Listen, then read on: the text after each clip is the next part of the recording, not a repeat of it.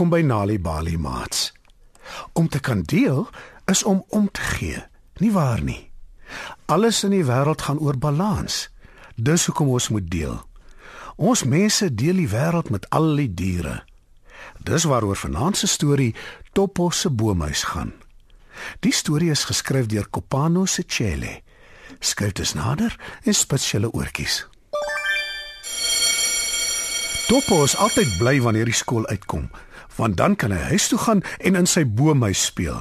Hy kan self sy huiswerk daar doen. Dis altyd lekker in die boomhuis.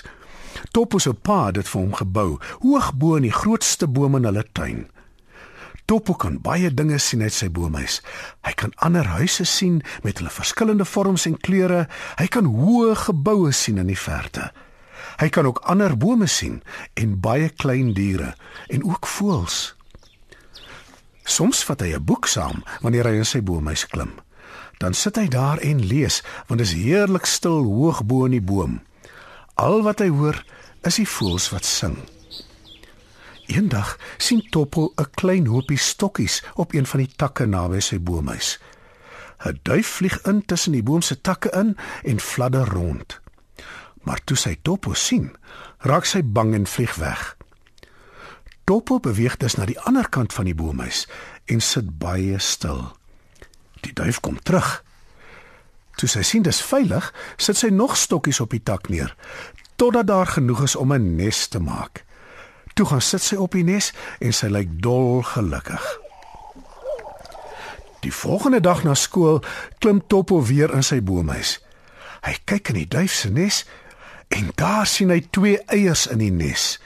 Die eiers is pragtig en Topo weet een van die dae broei daar klein duifies uit die eiers. Net toe hy nog nader aan die nes beweeg, vlieg die ma duif in die boom in. Sy klap haar vlerke en sy sê: "Kwai, Ga weg. Hoe moet ek weggaan? sê Topo. Dis my boomhuis. Topo is nie van plan om sy boomhuis met die duif te deel nie, maar die duif hou vol. Ek wil net my twee eiers uitbroei en jy pla my. Dis jou probleem. Antwoord Topo. Maar toe begin hy sleg voel. Na 'n ruk is hy kwaad. En toe weet hy, hy is selfsugtig. Maar aan die ander kant dink hy, is dit sy boomhuis? Hoekom moet hy die een wees wat pad gee? Maar Topo klim tog uit die boom. Hy gaan sit op die kombuistrap en dink oor sy dilemma. Sy pa, wat weet van die nes en die duifeiers, kom sit langs hom. Omdat hy sy seun goed ken, weet sy pa ook Topo is hartseer en kwaad en hy voel selfsugtig. Topo se pa verduidelik. Topo, soms moet ons goed deel. Dis wanneer ons moet omgee vir ander in plaas daarvan om kwaad of hartseer te wees. En dan moet ons liewer onselfsugtig wees as selfsugtig. Toe gee pappa Topo 'n stywe druk en gaan in die huis in. Topo sit nog steeds op die kombuistrap. Hy dink na oor wat sy pa gesê het. Topo hou baie van die pragtige duifeiers. Maar hy weet ook dat as hy in sy boomhuis sit, maak dit die maaduif bang. Dan sal sy dalk wegvlieg en die eiers sal nooit uitbroei nie.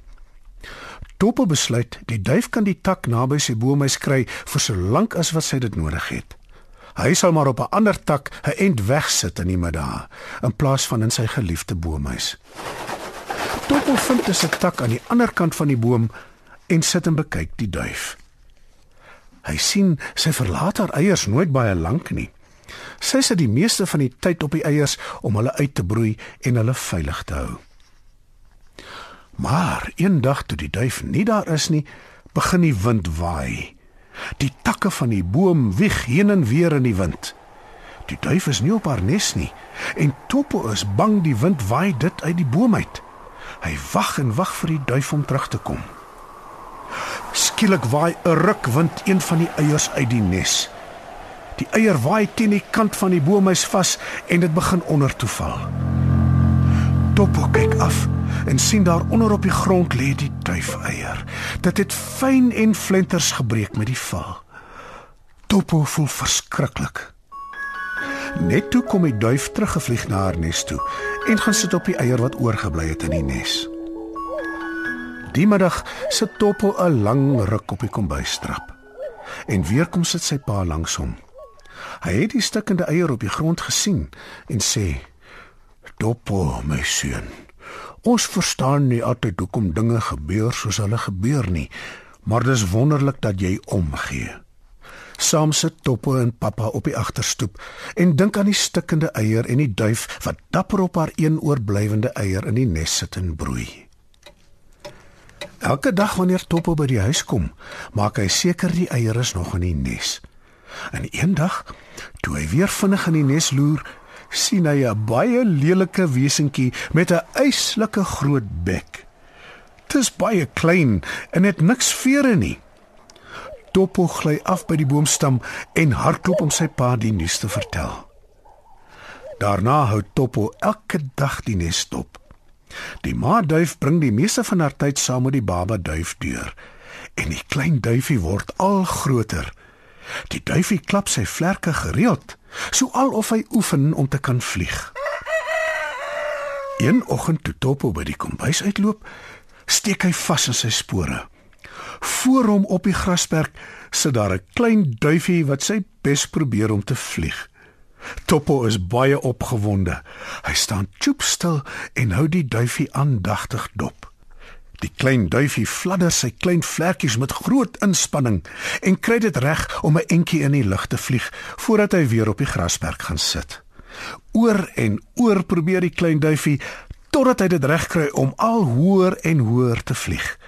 En die slag gaan sit die duifie nie weer op die grasperk nie. Toppel kyk hoe die duifie al verder en verder en al hoër en hoër wegvlieg. Hy is so gelukkig dat hy hardop roep: "Hy kan vlieg! Die duifie kan vlieg!"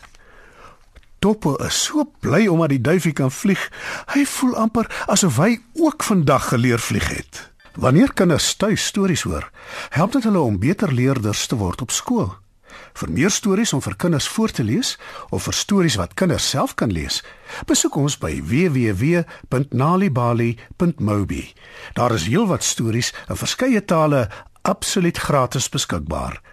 Daar is ook wenke oor hoe om stories vir kinders te lees en met hulle te deel sodat hulle hulle volle potensiaal kan ontwikkel. Nalibali is ook op Facebook. Story Power. Bring dit huis toe.